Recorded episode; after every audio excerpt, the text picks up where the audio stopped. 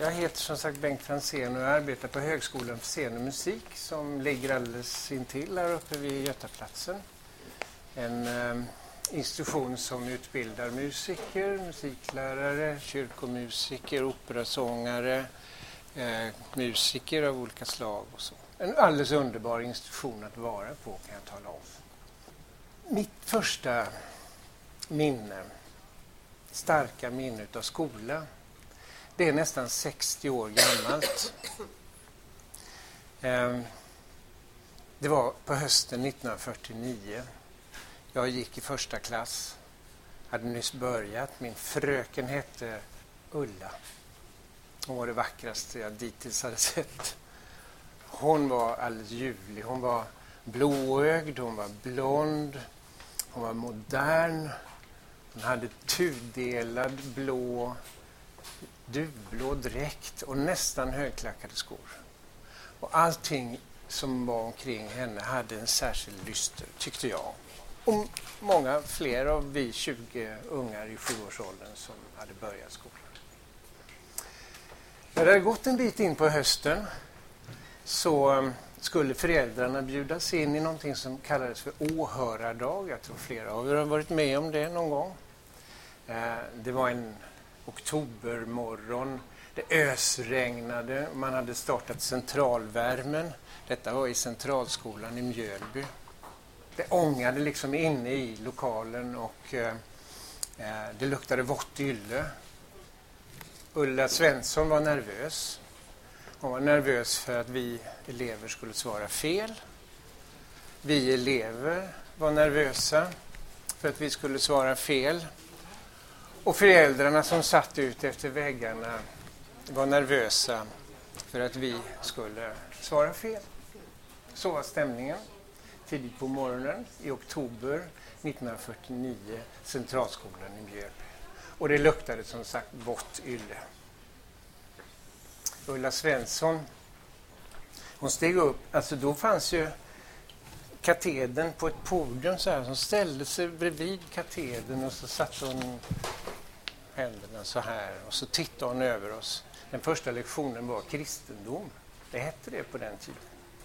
Så tittade hon ut över oss 20 barn och så sa hon, om man går ut en stjärnklar oktobernatt och tittar upp mot himlen, hur känner man sig då? Stunds tystnad i klassen, ingen vågade svara. Till slut så tänkte jag, men Bengt, det är ditt svar. Du är ju ändå prästunge, så upp med handen. Och jag räckte upp handen och hon tittade på mig och så väntade hon ytterligare på några till som skulle räcka upp handen. Och sen sa hon till slut, Nå Bengt. Då reste jag mig upp och ställde mig, det gjorde man då, ställde sig när man svarade i gången. Och så tittade jag in i hennes blåa ögon och så sa jag, trygg. Då for något vemodigt över hennes ansikte och hon tittade på mig och så sa hon, nej Bengt, det gör man inte, man känner sig liten. Skälet till detta var att hon hade planerat lektionen. Och lektionen skulle handla om Guds storhet och människans litenhet. Och då var det ett fullständigt felaktigt svar. Jag glömmer det aldrig. Jag är mycket tacksam för den gången. För det var för mig en ingång in i en miljö som jag sedan har hållit mig till i 60 år. Ja, faktiskt 60 år, faktiskt mer än 60 år har jag levt i utbildningsmiljöer. Dels under den tid som jag själv har gått i skolan, som sagt Centralskolan i Mjölby, folkskola i Rävekärr i Mölndal, B-ordning dessutom, flera årskurser i samma. Högre allmänt läroverk, Gamla Östra Real, Samskola, Samrealskolan i Mölndal och Hvitfeldtska läroverket och sen in i universitetet för min egen utbildning i historia, litteraturhistoria, nordiska språk och så småningom musikhögskola. För att sen gå ut i en verksamhet där jag arbetade som lärare i svenska och musik i Hammarkullen framför allt, för där var jag i 25 år. Och så småningom parallellt arbetade jag då med lärarutbildningen vid Göteborgs universitet och jag föreställer mig att det är därför jag står här nu. Det är klart att det är en lång erfarenhet. Jag menar inte alls att man, för att man har varit inne i en miljö, skulle vara särskilt klarsynt. Tvärtom blir man ju ofta ganska blind. Men jag har en del saker som jag ändå har tänkt på och som jag har varit tvingad som lärarutbildare att förklara för mina studenter gång på gång på gång och det är nyttigt. Att vara lärare är faktiskt ett livslångt lärande. Man har frågat mig, vad är skola egentligen? För oss, vi har haft skola, vi har haft en planerad skolverksamhet i vårt västerländska samhälle i minst 5000 år. Det är en lång tid. Jag menar från det man började kunna eh, läsa, skriva, räkna så måste det ju finnas någon som har fört över den kunskapen från en generation till en annan. Och det måste ha varit en medveten intellektuell handling. Det räcker inte med att man bara härmar någon annan, man måste förstå också.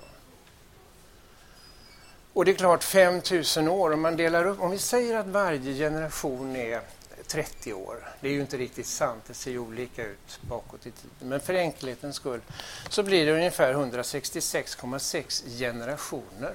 Det låter ganska lite tycker jag för att vara 5000 år, men jag har kollat det många gånger. Alltså överföring från en generation till en annan. Från den generation till en annan. Och det har inneburit att vi idag i skolan lever i ett, som jag kallar det, strukturarv som är väl rotat bak i den västerländska kulturen. Frågan är, är detta strukturarv som vi arbetar under, som vi undervisar under, är det gott för syftet? Eller kanske är det så att omvärlden har förändrats på ett sådant sätt så att, så att strukturarvet är ett hinder för lärandet. Jag ska inte gå in på det, för det hinner jag inte, inte närmare i alla fall. Men jag kan bara säga att när man tittar på schemat på ett, en gymnasieskola eller ett högstadium, man ser de här 40, 60, eh, 80 minuters passen, så finns det ju ingen annan produktion i samhället som skulle organiseras på det viset att man först gör det i 40 minuter och sen det i 40 minuter och sen det i 40 minuter. Men i skolan gör man det. Och i skolan bjuder man in elever att delta och följa de här olika undervisningarna med ständiga avbrott och de blir aldrig klara. Och när hinner man lyssna på dem? Eleverna. Och vad är skolan? Alltså grundbetydelsen av ordet skola, det, är det grekiska skolé, det betyder fritid. Skolé betyder fritid och det gör det därför att det var bara de som hade fritid som kunde utveckla sin egen kunskap och bilda sig och skapa sig eh, ett liv. De andra var tvungna att delta i försörjningen. De var tvungna att arbeta och möjligtvis försörja de som hade den fria tiden.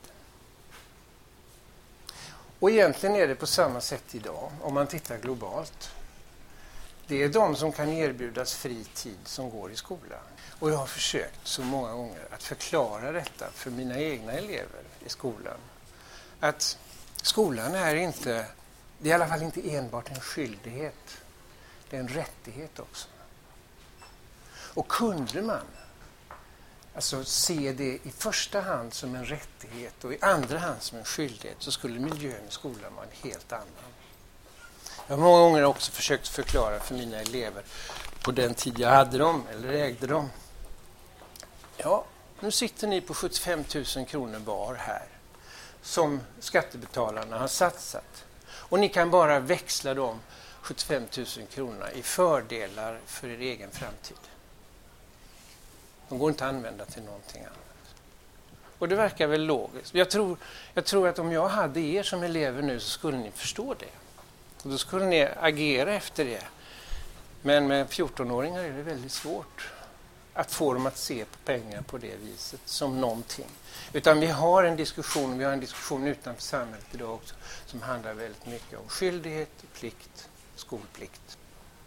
För erkänn att nog är det lite egendomligt om vi nu säger att skolan är en rättighet som barnen har. Att bestraffa dem med denna rättighet i form av kvarsittning. För mig blir det lite ologiskt, men det visar också på liksom hur, hur det här strukturarvet vilar tungt som en filt av ylle, vått ylle över, över skolans struktur. Och jag tror att det finns väldigt stora möjligheter att förändra det. Omvärlden förändras, skolan har förändrats. Om man jämför med hur det såg ut när ja, i skolan på 50-talet och hur den sen har utvecklats under 60, 70, 80, 90 och 1000-talet så är det ju fantastiska framgångar som skolan har haft. Men vi fokuserar mycket på problem som inte bara är skolans utan som är samhällets, i hög grad samhällets. Vi kan inte, alltså vi kan inte tänka bort skolan ur samhället. Skolan är den som, där vi når alla generationer. Skolan är den enda institution i vårt samhälle som har uppdraget att fostra unga människor till demokrater. Ingen annan har det uppgiften. Inte kyrkan, inte polisen, inte brandkåren. Det är skolan som har det uppdraget. När vi pratar om skola idag så talar vi om skolan egentligen bara som en kunskapsorganisation. Vi tittar bara på kunskapsmålet, men skolan har ju tre mål. Kunskapsmålet, eh, det sociala målet och det politiska målet. Det sociala målet är det som gör att eleverna lär känna varandra, förstår varandra och lär sig att samarbeta och respektera varandra. Vi har kommit långt om vi jämför med hur det såg ut på 40 och 50-talet i Sverige i det avseendet. Därför att i grundskolan går kreti och pleti även om det börjar ändras nu. Tillbaks till det här med strukturarvet. Alltså de traditioner, de traditioner som vi arbetar under och den kunskapssyn som vi arbetar under. Ehm, eller som kanske inte tillräckligt mycket diskuteras. När jag berättar om Ulla Svensson så berättar jag eh, om någonting som är väldigt vanligt och alltid har varit väldigt vanligt i skolan, nämligen att den som vet frågar och den som inte vet svarar. Det vill säga frågandet som metod för att få eleverna att tänka konstruktivt och så. Men det finns ju andra sätt att gå tillväga. Det finns ju ett annat sätt att, att, att väcka elevernas nyfikenhet och, och stödja deras självtillit stödja deras positiva egenskaper. Till varje till bud stående medel skulle jag säga så är lärarens uppgift att stödja elevens självtillit. Att stärka den. Elever som saknar självkänsla, självtillit har naturligtvis en väldigt tung väg att gå. Och då är frågan, hur gör man det?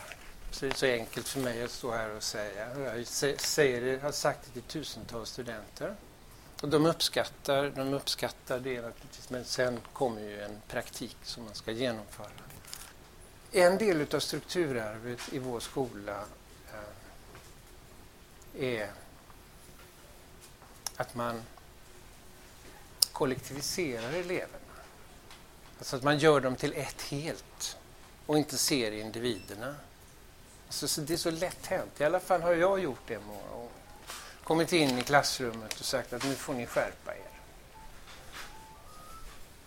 Kan ni tänka er om man till exempel åker tåg från Göteborg till Stockholm och det sitter några aik eller något motsvarande, fem stycken i kupén och väsnas och bråkar och vi andra 70 sitter och lider. Och så kommer konduktören in, eller tågmästaren öppnar dörren och säger Jag är hemskt besviken på er i den här kupén.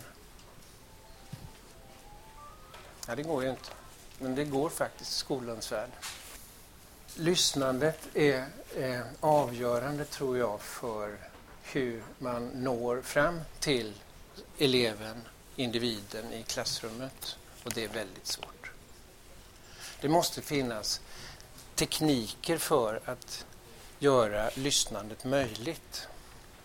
Nu jobbar jag på en skola, eller på en institution som utbildar musiklärare.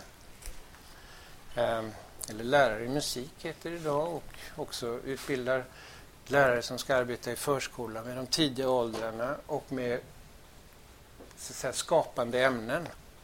Och det, det är just därför som jag gör det som jag har sett att de här möjligheterna i att jobba, arbeta med att ha innehåll som man kan gestalta med olika eh, konstformer. Man kan gestalta det med musik, med dans, med bild, med slöjddesign. Man kan göra det till och med i idrott. Men gestaltningen innebär alltså en möjlighet för den enskilde individen att enskilt eller tillsammans med andra visa sitt förhållningssätt till ett innehåll. Det må vara demokrati, det må vara döden, det må vara växtförädling, det kan vara nästan vad som helst. Men det gestaltas genom den lärande och inte av den som lär ut. Förstår ni skillnaden? Och i det sammanhanget, när man ser, och jag har goda eh, erfarenheter och exempel på det, när man ser elever som får tillfällen att uttrycka sig, ja då får ju också vi som är lärare enastående goda tillfällen att lyssna på våra elever. Istället för att bedra dem på deras beslut och så genom att tala om vad som är viktigt och ställa frågor som vi vet svaren på som de ska förhoppningsvis kunna på det viset som vi kan. Gestaltning kallar jag det för och gestaltning är alltså, det har varit framgångsrikt i Göteborgs universitet i lärarutbildningen där alla studenter i någon mening kommer i kontakt med konstnärliga uttrycksformer och får möjlighet att själva på den möjliga nivån gestalta och få respons och se det som en metod och ett sätt att arbeta med sina egna elever i framtiden. Vi kallar det för det, det vidgade språkbegreppet. Alltså att språk inte bara är det talade ordet eller det skrivna ordet utan att språk är också musik, språk är också bild, språk är också dans. Språk är allt det som uttrycker en mening eller en erfarenhet. Det som håller ihop ett samhälle, flera som har på, påpekat detta, det är berättelsen. Berättelsen är oerhört betydelsefull för vårt sätt att förstå varandra. Vi har stora, starka berättelser som vi dagligen inte reflekterar över, men som binder oss ihop. Vi har de religiösa texterna, Gamla och Nya testamentet. Hur sekulariserade vi än är så är detta berättelser som finns i vårt medvetande. Vi har de starka antika berättelserna, de stora grekiska tragedierna. Alla har på något sätt någon känsla av vad ett Oidipuskomplex är. Det finns eh, nordiska berättelser som också håller ihop oss. Och detta sammantaget bildar ett kulturarv. Och vi måste stödja berättelserna. För att det är i berättelserna som eleverna, de unga människorna, kan gå in, identifiera sig, ta ställning till, förhålla sig till och sen gå vidare. Det finns inte mycket tid. Men det finns en forskare som har utvecklat intelligens, alltså synen på vad intelligens är. Jag tänkte jag skulle ta det avslutningsvis. För oss, vi som eh, rör oss med intelligensbegreppet och så, så handlar det ju ofta just om, om alltså den språkliga eller matematiska intelligensen. Men Howard Gardner som han heter, han har utvecklat det till nio olika eh, perspektiv på intelligens. Och sen har jag lagt till ytterligare ett. Ja, det första är den språkliga intelligensen. Det är inte svårt för oss att förstå. Den är lätt att se. Men den visuellt spatiala intelligensen, alltså det som handlar om bilden, om förmågan att se rummet, utrymmet, det som varje scenograf eller var, varje fotograf eller varje eh, bildkonstnär arbetar ständigt med. Och som många andra inredare eh, utvecklat till mästerskap. Den spatiala intelligensen, den visuella intelligensen. Sen finns det den kroppsliga kinestetiska intelligensen. Tänk er en ishockeyspelare som inte har rörelsens intelligens. Kommer inte långt faktiskt. Och jag tycker att just ishockeyspelet eller fotbollsspelet är ett väldigt bra exempel på den där typen av intelligens där man kan ha både rörelsen och framåtsynen och, eh, och den kroppsliga medvetenheten i samma paket. Vackert dessutom. Finns det musikalisk intelligens? Alltså människor som utvecklar en extrem eller väldigt god förmåga att till exempel minnas eh, melodier, förstå strukturer, hitta eh, rytmiska mönster och sådana saker. Social intelligens. Vi har alla några, kanske goda vänner som saknar den sociala intelligensen och nog är det besvärligt. Självkännedom, intrapersonell intelligens. Hur förstår jag mig själv? Redan de gamla grekerna, Gnotis och Auton hette det en gång, på ingången till eh, Delphi vill jag minnas, känn dig själv. Alltså avgörande för att utvecklas som människa. Logiska matematiska intelligensen har jag sagt, naturintelligensen, förståelsen för var någonstans i kretsloppet finns vi och kanske också varför. Den existentiella intelligensen, de stora frågorna, de stora livsgåtorna som alla stöter på. Och slutligen den narrativa intelligensen, alltså den berättande förmågan, förmågan att få saker att hänga ihop, förmågan att få dem att förstås. Berätta kommer jag det tyska Berichtigung som betyder räta ut, om jag inte förstått det hela fel. Allt detta, alla dessa intelligenser ska skolan vårda, utveckla och stödja. Och för att hitta de intelligenserna, för de alla har ju inte alla, måste man lyssna noga. För att lyssna behövs någon som talar, inte på kommando.